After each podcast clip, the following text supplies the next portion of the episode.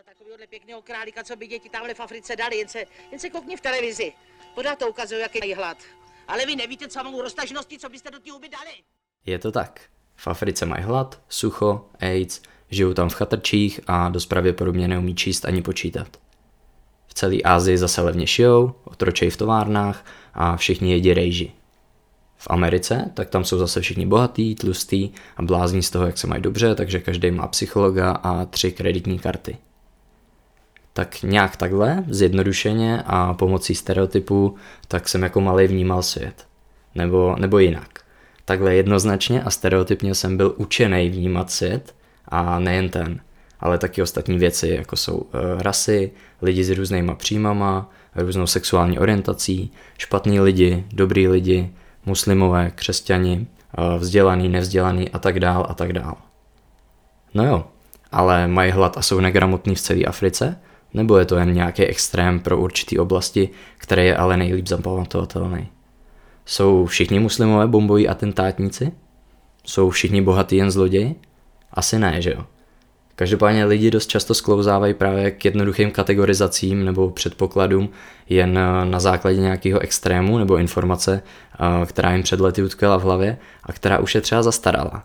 A i já jsem tak vlastně vychovaný a do dneška s tím celkem bojuju, takže jsem hrozně rád, že se mi do ruky dostala jedna knížka, o kterou se s váma dneska chci podělit. Její jméno je Faktumluva, v angličtině Factfulness od Hanze Roslinga a ta vlastně na základě tvrdých, ale veřejně dostupných dat pojednává o tom, proč se tak často mílíme v pohledu na svět a proč jsou věci ve skutečnosti lepší, než vypadají. Takže dneska to bude o faktomluvě, o něčem, co by se dalo nazvat jako světonázor a o tom, proč v testu základních znalostí o světě odpovídáme v průměru hůř než šimpanzi. Moje jméno je Honza Škrland a vítám vás u dalšího dílu svého podcastu Život jako výzva.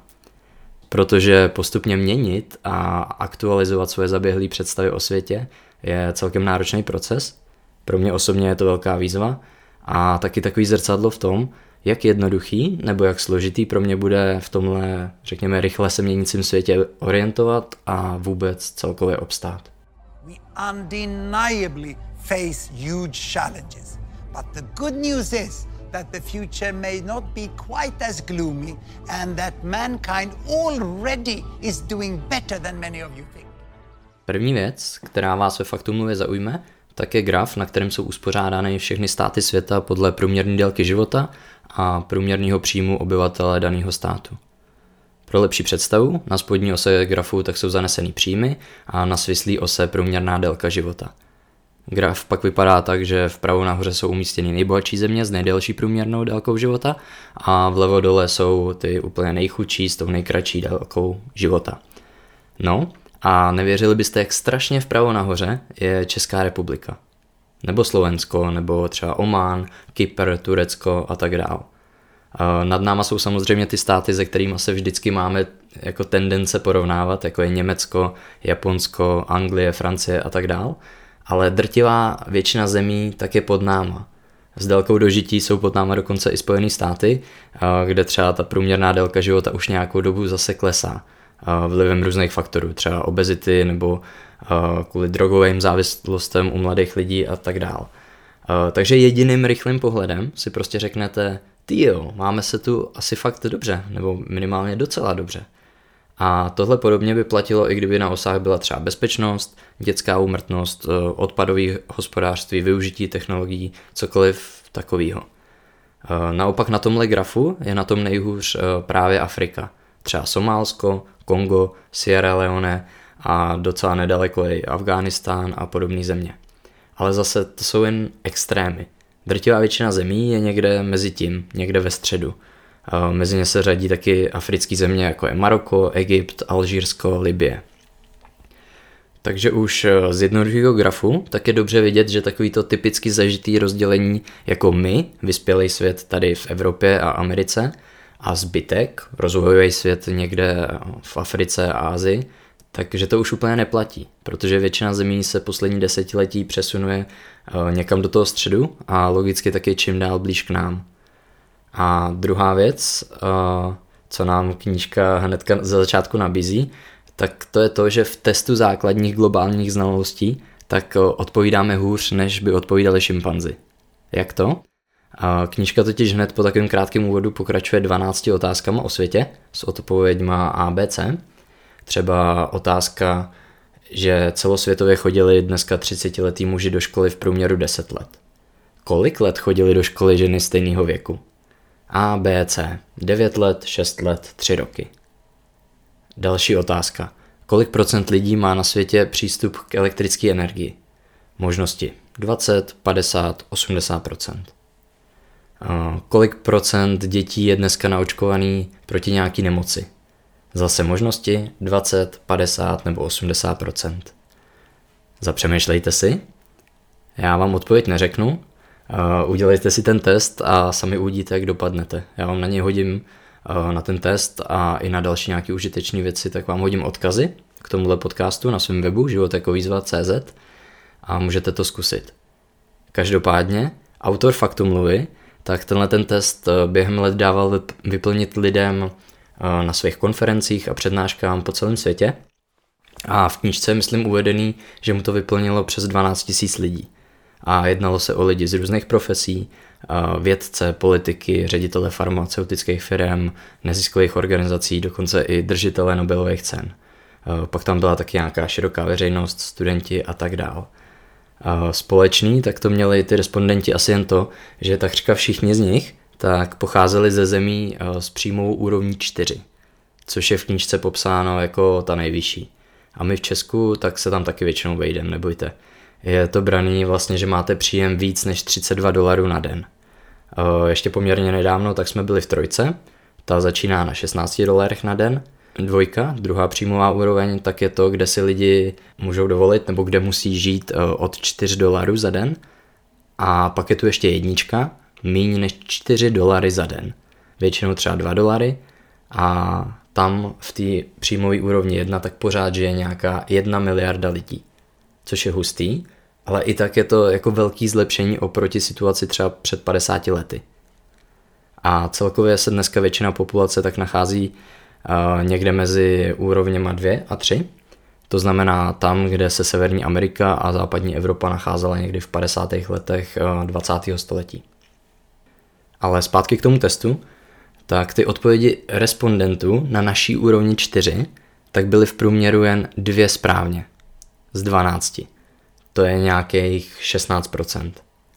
Což je drsný, na to, že se považujeme a technicky za to i jako jsme nejvzdělanější vrstvou na světě, a je to tak, jak jsem říkal, na ty otázky odpovídali i politici, to znamená lidi, co mají dělat rozhodnutí za celou zemi, eh, vědci, kteří jsou nejlepší ve svých oborech. A všichni, nezávisle na vzdělání a odvětví, tak dopadali plus minus stejně. A autor to tam vede do takové krásné absurdity, že i šimpanzi by v průměru odpovídali líp než vzdělaný lidi. I really realized my discovery. I have shown that Swedish top students know statistically significantly less about the world than the chimpanzees. Takže proč v otázkách o světě odpovídáme v průměru hůř, než by to zvládli šimpanzi? Hans Rosling eh, tam v nadsázce říká, že kdyby s těma eh, otázkama vyrazil do zoo a vzal by sebou náruč banánů označených A, B, C a ty rozhodil do výběhu šimpanzů, zatímco by jim čet ty otázky, tak šimpanzi by náhodným výběrem banánu A, B nebo C dlouhodobě získávali lepší výsledky než lidi. To znamená takovou tu náhodnou třetinu 33,3333%, což by znamenalo správnou odpověď na čtyři otázky. Zatímco lidi, aspoň těch 12 tisíc eh, různě vzdělaných a starých, eh, většinou teda hodně vzdělaných lidí, tak průměrně správně odpovídali jen dvě otázky z 12. Lidi, na rozdíl od čimpanzů, tak taky měli tendence odchylovat eh, ten svůj omyl jako stejným směrem, většinou tím pesimistickým. Takže většina testovaných tak se domnívala, že svět je mnohem hrozivější, násilnější a beznadějnější, než doopravdy je. Čím to? Jednoduše třeba tím, že když chodíme do školy, tak většinu informací o světě nám předává nějaký učitel nebo nějaký učitele, který ale tu informaci taky museli někde získat – Většinou taky, když byli mladší nebo dokonce ve škole.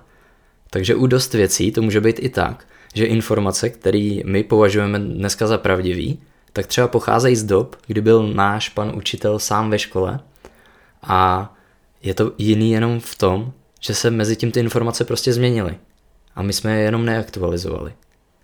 Stejně tak, eh, když zpracováváme nové informace, tak máme sklon sklouzávat eh, k různým instinktům, který tahle knížka dobře popisuje a který si taky proberem, eh, protože právě ty naše instinkty, jako je zobecňování, strach, předpoklady, že něco bude pokračovat stejným tempem, hledání jednoho vyníka a tak podobně, tak právě tyhle instinkty, pokud si neuvědomujeme, tak nám dost ten pohled na svět zkreslují a třeba nám ani nedovolí ty nové informace zapracovávat do toho, co už víme.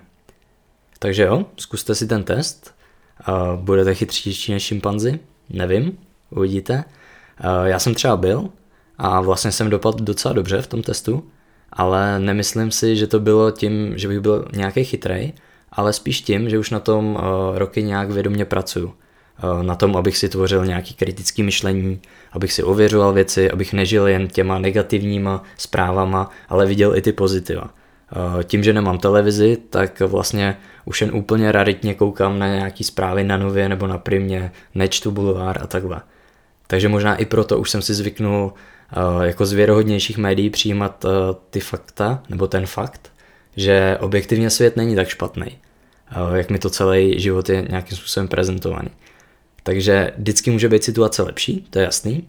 Některé věci jsou na světě fakt na prd, ale to, že je pořád eh, něco špatného, tak třeba vůbec nemusí znamenat, že se to za poslední roky už rapidně, rapidně nezlepšilo.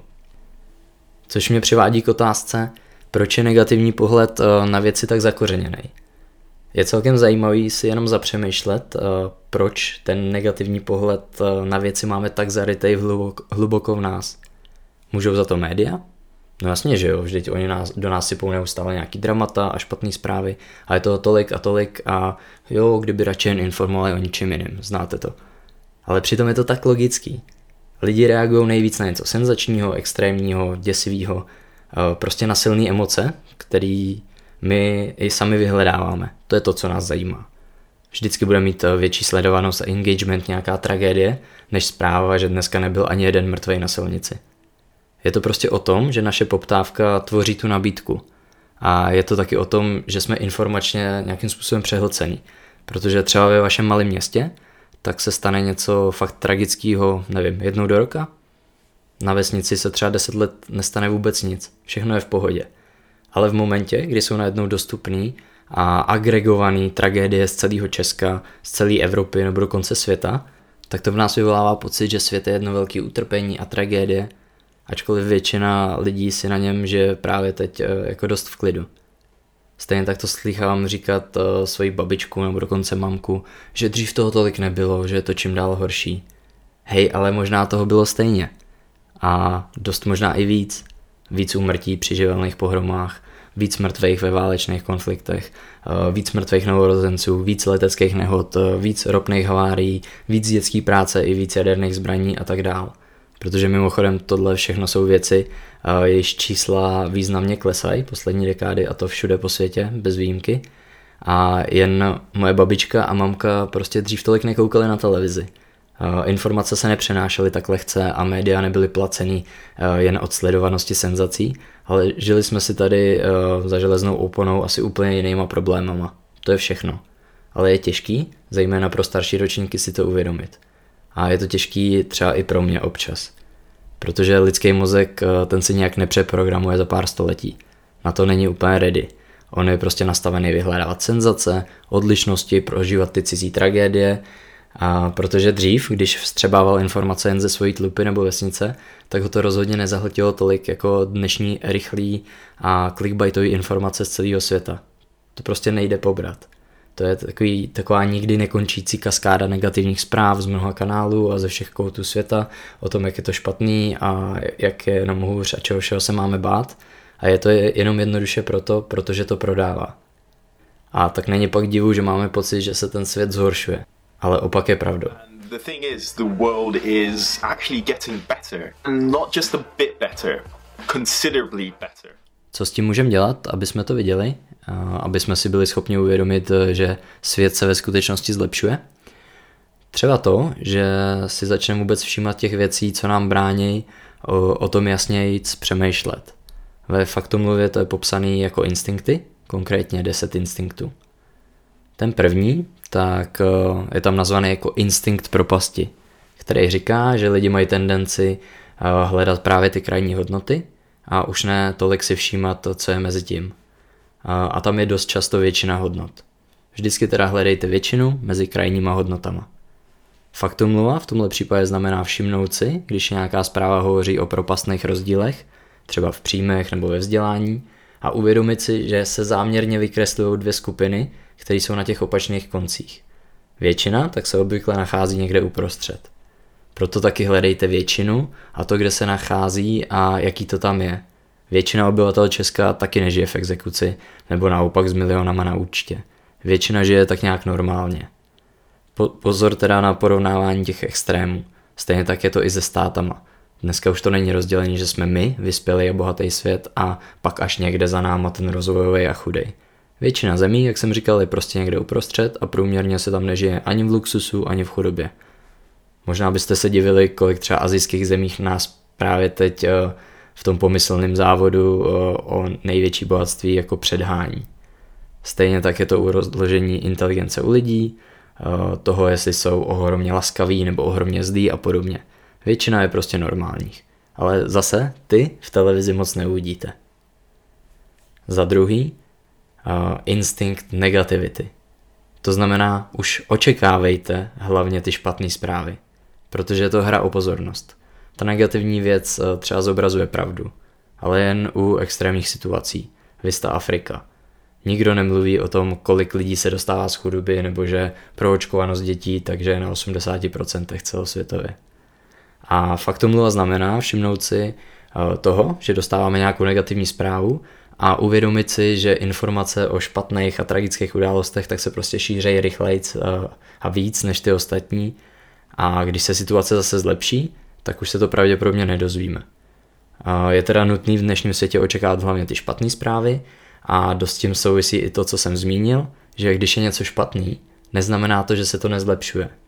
Věci můžou být prostě špatný, ale zároveň třeba se už roky zlepšovat. Vždycky je přece co zlepšovat, že jo.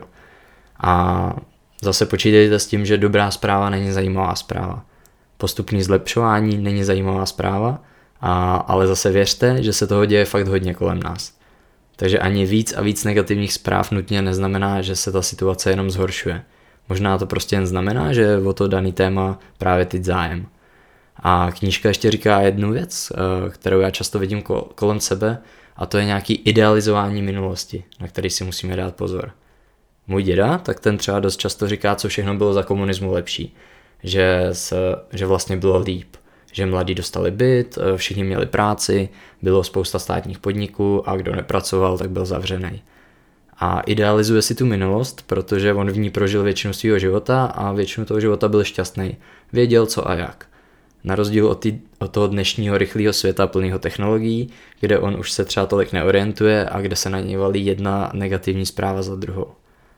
Jenže zase tvrdý data tak říkají, že nebylo líp. A jestli chcete, tak nemus, nemusíte věřit ten datum, prostě si puste nějaký příběhy třeba z paměti národa, kde vyprávějí ty příběhy lidi. A jsou to lidi, kteří si fakt třeba zažili peklo v tom minulém režimu a to jen stačilo mít eh, špatný příbuzný nebo být eh, prostě trošku jiný. Za třetí, instinkt lineárnosti. Ten je o tom, že my přirozeně předpokládáme, že něco bude pokračovat jako doteď. Třeba populační růst nebo náš ekonomický blahobyt. A fakt to znamená všimnout si předpokladu, že růst bude pokračovat lineárně a uvědomit si, že takový růst eh, není příliš obvyklý z dlouhodobého hlediska.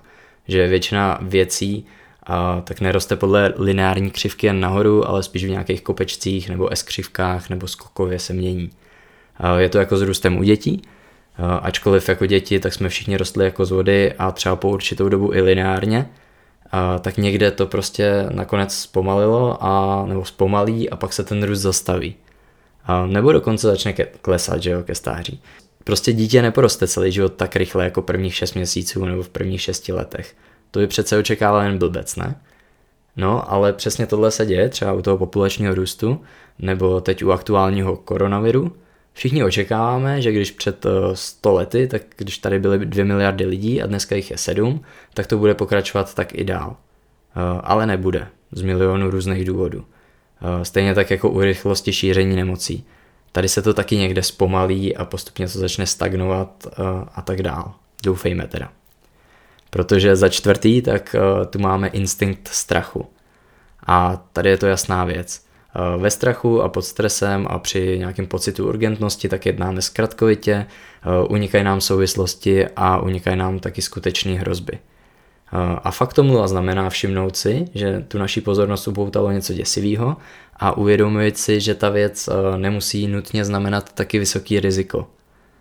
Svět prostě vypadá hrozivější, než ve skutečnosti je, protože za prvý ty negativní zprávy na nás působí víc a za druhý už ty zprávy máme tak jako řádně vyfiltrovaný a předpřipravený od těch médií, který chtějí upoutat tu naší pozornost.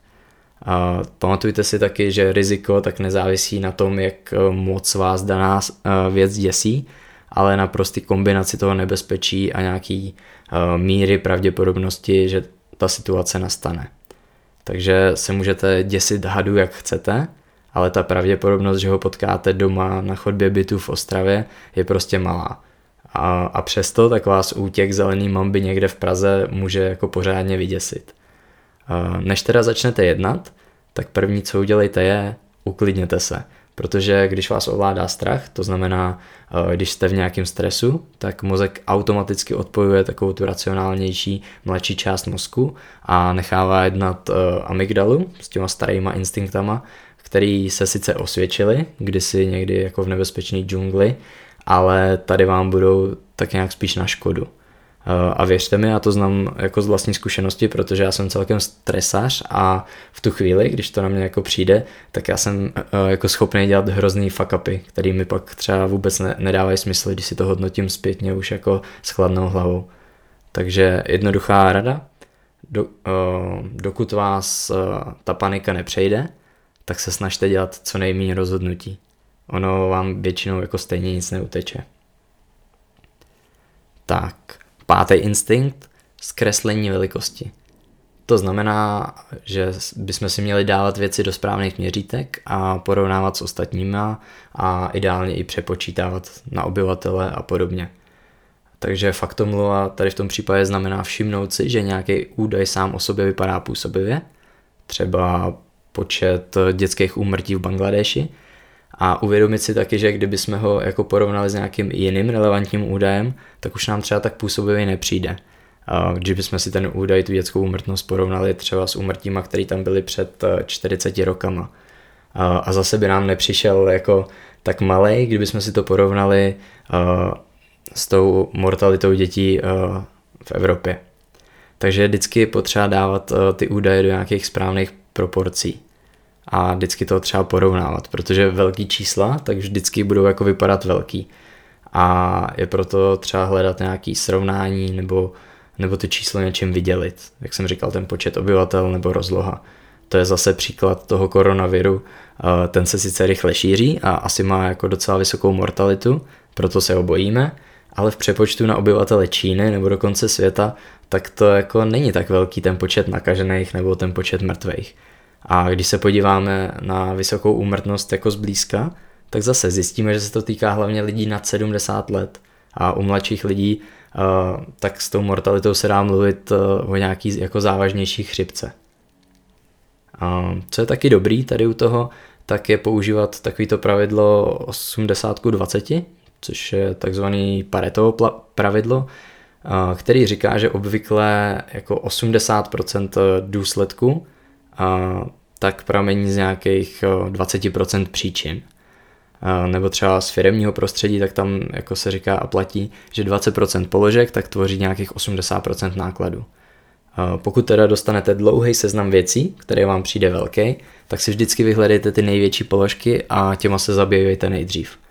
To znamená třeba v případě plastů v oceánech, tak asi nebudou největším výnikem brčka a jednorázový příbory v Evropě.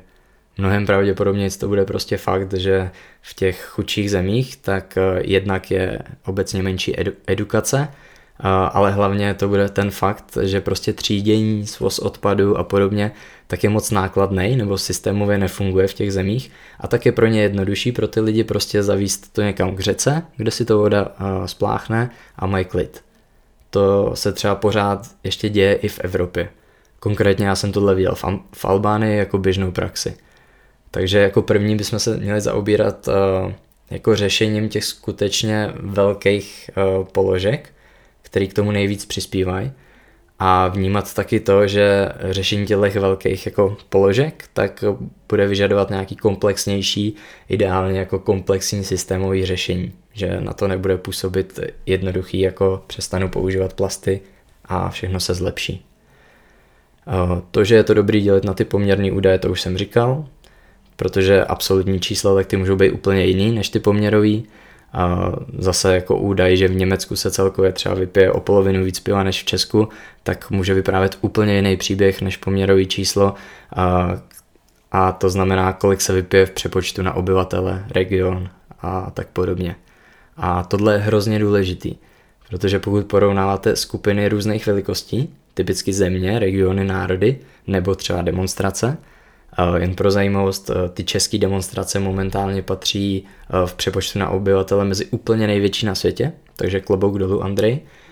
A proto je důležitý eh, nějakým způsobem přepočítávat. Za šestý, instinkt zobecnění a nějaký kategorizace. Ten nám říká, že tohle a tohle je typický pro nějaké skupiny a, a podobně. Že třeba všechny muslimky tak nosí hijbát a všichni lidi v Africe tak jsou nevzdělaný a že jenom hloupí lidi poslouchají skupinu Ortel a smažky zase hip-hop a tak podobně. A faktum znamená pamatovat na to, že když eh, se ve vysvětlování použi- používá určitá kategorizace, eh, tak to může být dost zavádějící. A je proto dobrý ty kategorizace občas spochybňovat. Typicky uh, máme kategorizaci pro tu Afriku, muslimy, Romy nebo politiky – ale v těch skupinách fakt nejsou všichni stejný. Takže hledejme jako proto rozdíly i v rámci těch skupin a zvlášť, když je ta skupina velká. Je dobrý to, co nejvíce jako rozdělovat na menší a menší segmenty, který jako skutečně budou mít hodně společného. A zároveň je zase dobrý hledat podobnosti mezi skupinama.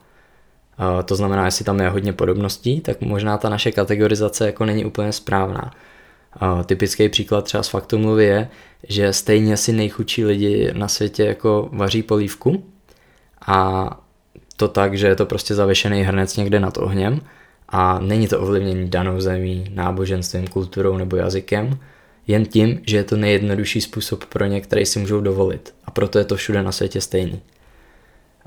Je taky dobrý hledat rozdíly mezi skupinama, a není úplně jako moudrý předpokládat, že co platí pro jednu skupinu, tak bude platit uh, i pro tu druhou. Takže třeba když máme informaci, že v nějakém náboženství uh, jako nemůže většina žen používat antikoncepci, tak je třeba i dobrý si zjistit, co je ta většina. Je to 99 ze 100, nebo je to 51 ze 100, uh, což je taky většina. A ta už jako zařizuje to škatulkování a obecnou představu. A ačkoliv 49 jako procent těch žen v té skupině, tak se to vůbec netýká.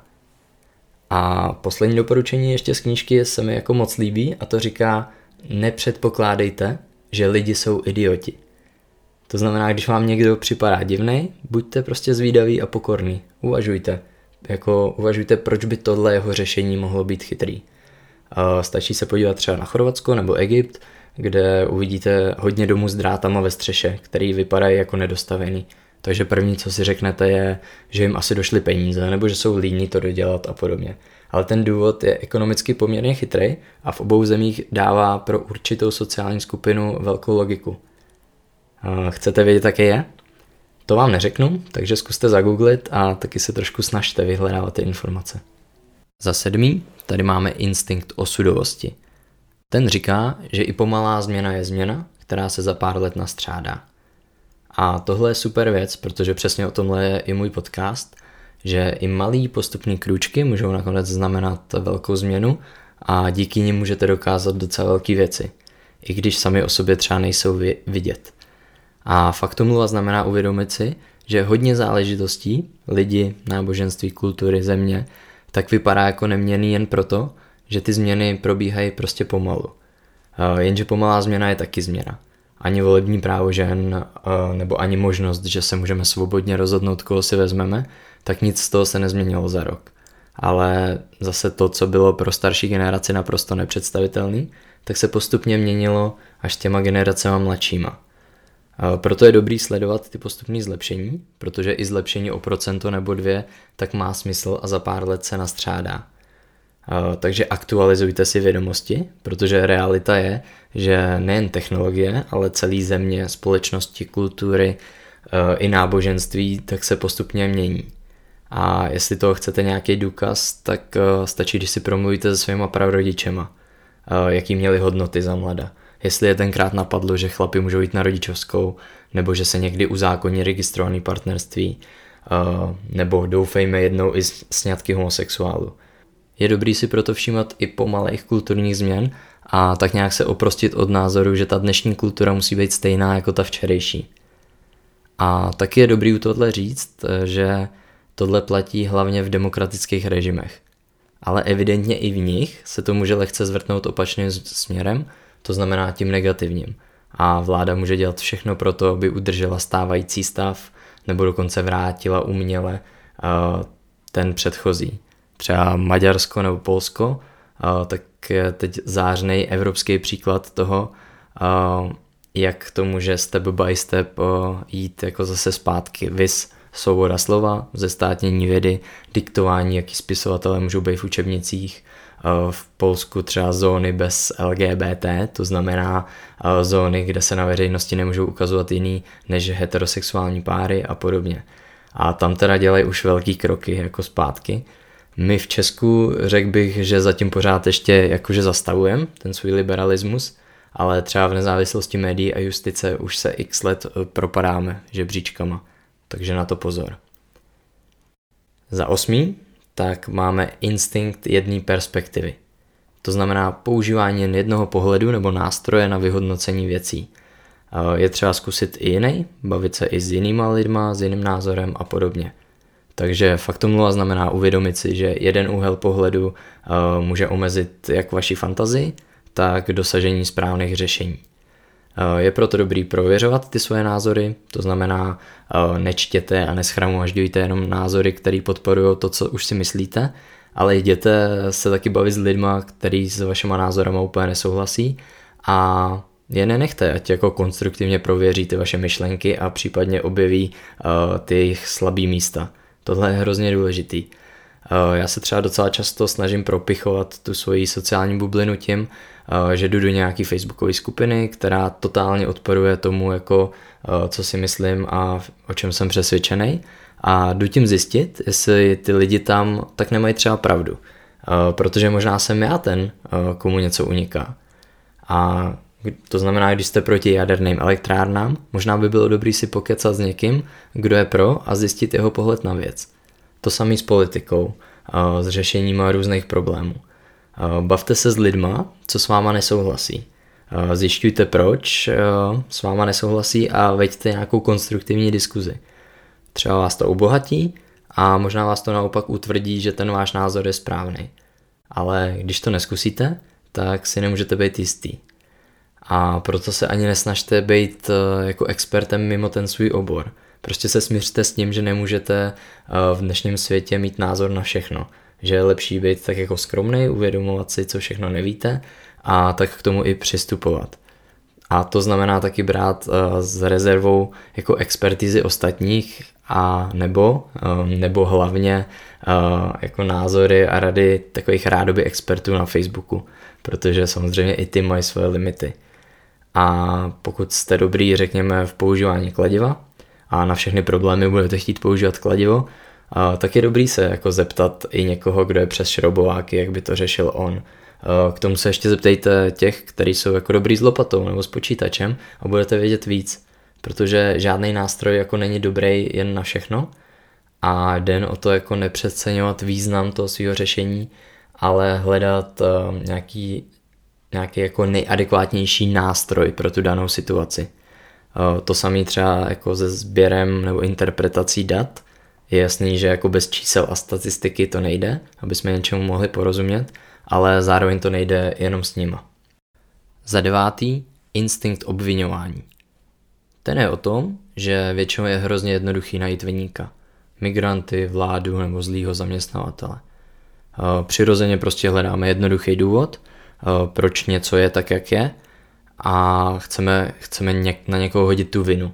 Ale zase ten problém je většinou komplexnější. Uh, úplně nejlíp to v knížce popisuje příklad toho, že farmaceutické společnosti tak nedělají prakticky žádný výzkum malárie, spaví nemoci a dalších onemocnění, které postihují hlavně ty nejchudší. Proč? Uh, tady asi ten ekonomický důvod naskočí každému, protože se to nevyplatí tolik jako třeba vyvíjet léky na rakovinu a jiné nemoci, uh, které můžou draze pak prodat tomu západnímu trhu. A tak to vlastně hodně zjednodušeně je. To, co je zajímavější, ale je, kdo za to může. Je to ta farmaceutická společnost, že jo? Takže komu, komu tam dát facku za to, že nevyvíjí potřebné léky? Řediteli? Eh, celý správní radě, která de facto rozhoduje o chodu společnosti? Pomůže to nebo ani ne? Protože většina těch firm eh, tak jsou akciovky, takže by ten akcionář, tu správní radu, eh, která se najednou začne chovat jinak, tak by ji prostě vyměnil. A, takže z toho vychází, že je potřeba nafackovat akcionářům za to, že ta konkrétní firma investuje jen do výzkumu um, na nemoci bohatých lidí. No, ale kdo to je konkrétně, ty akcionáři? A tady přichází to zajímavý, protože akcie farmaceutických společností, tak ty jsou jedny z nejstabilnějších a tak jako trochu nezávislí i na těch akciových trzích, protože pacienti s rakovinou potřebují uh, ty svoje léky i v době recese. A to znamená, že do nich investují nejčastěji penzijní fondy. A když to vezmeme jako do absurdity, tak pokud někomu chceme nafackovat za to, že se neinvestuje do výzkumu nemocí v těch nejchudších zemích, tak je potřeba dát facku našim babičkám, rodičům a možná částečně i státu za jejich neuvěřitelně chamtivou jako potřebu mít eh, jistý důchod a mít tam nějaký, nějakou stabilitu. A faktomluva v tomhle případě znamená uvědomit si, že hledáme jako nějakého obětního beránka, na kterého to všechno padne.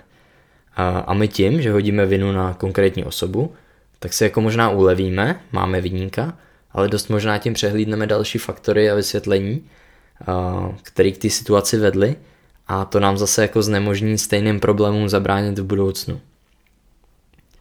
To znamená, jako hledejte příčiny, nikoli vyníky, ne jednoho jednotlivce nebo skupinu, ale třeba občas je potřeba i uznat, že blbý věci se uh, prostě můžou přihodit.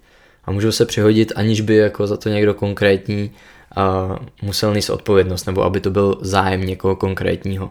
Prostě se jen sešlo x vzájemně působících faktorů v té dané situaci nebo v celém systému a dopadlo to blbě. A stejně tak uh, to může být i naopak. To znamená, když o sobě někdo bude tvrdit, že je původcem všeho dobra, všech pozitivních změn, jak to třeba dělá PR tým našeho premiéra, tak je dobrý se zeptat, jestli by náhodou k podobnému výsledku stejně nedošlo, i kdyby ten dotyčný neudělal vůbec nic. A občas je třeba prostě připsat zásluhy jako i systému, nebo, nebo prostý náhodě. A máme tu za desátý poslední instinkt a to je instinkt urgentnosti. To znamená teď nebo nikdy. Kupujte teď za výhodnou cenu, nebo už nikdy. Poslouchejte můj podcast teď, zítra už bude pozdě. Speciální nabídka. Uh, tohle ubytování si právě prohlíží další 27 uživatelů a tak dál a tak dál. Když na vás někdo nebo něco takhle nalíhá, tak je dobrý zaváhat a neukvapovat se. Protože to dost často může znamenat jen to, že vám dotyčný chce zabránit nad věcí se jako víc zamyslet a rozhodnout se s chladnou hlavou. Třeba dneska se mi to stalo, kdy mi eh, někdo nabízel nějakou službu po telefonu a apeloval na mě, abych jako hned řekl to rozhodnutí. No, to jako nebylo úplně příjemný. A právě ta nalíhavost tak patří eh, podle výzkumu k faktorům, který nejvíc zkreslují ten náš pohled na svět a právě ten urgentní pocit, teď nebo nikdy, eh, tak pak vede buď ke stresu nebo naopak jako k určitý apatii. To znamená, rychle musíme udělat všechno proti klimatické změně hned teď. Včera už bylo pozdě a hlavně rychle a jakkoliv. A nebo právě, hej, to už jako nemá cenu. To je beznadějný, stejně už nemůžu vůbec jako nic ovlivnit, uh, už nemůžu vůbec nic dělat. A takže faktum v tomhle případě znamená jakýsi odstup.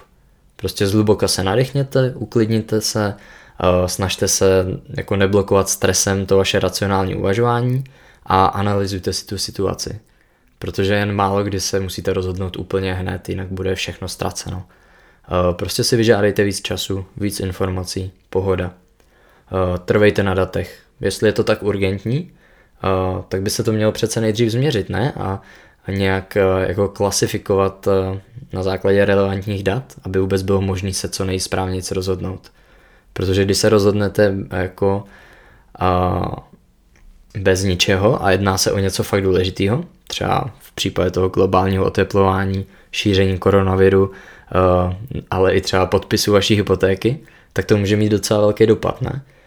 A stejně tak eh, jako prognózy, tak by měly být taky v širokém spektru.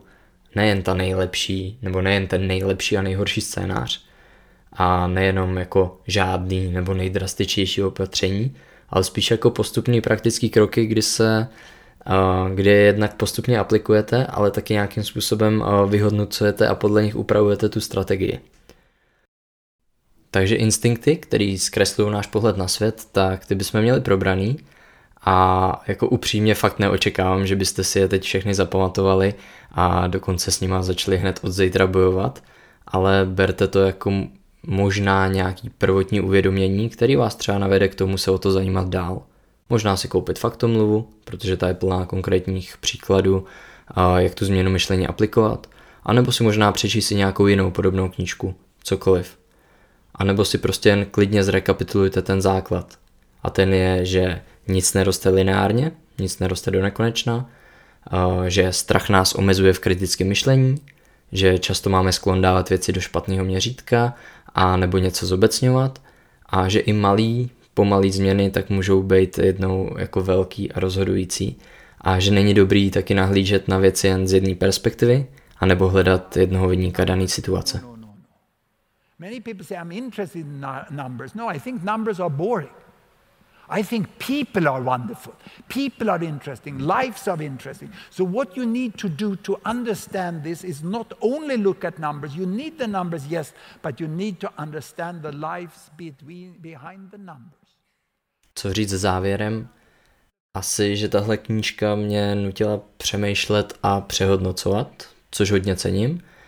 Stejně jako to, že je plná čísel a zdrojů, který dávají potřebnou validitu ale zároveň nepostrádá ani spoustu příběhů, na kterých jsou ty jednotlivé věci demonstrované. A já osobně jsem ji třeba čet díky tomu hrozně pomalu.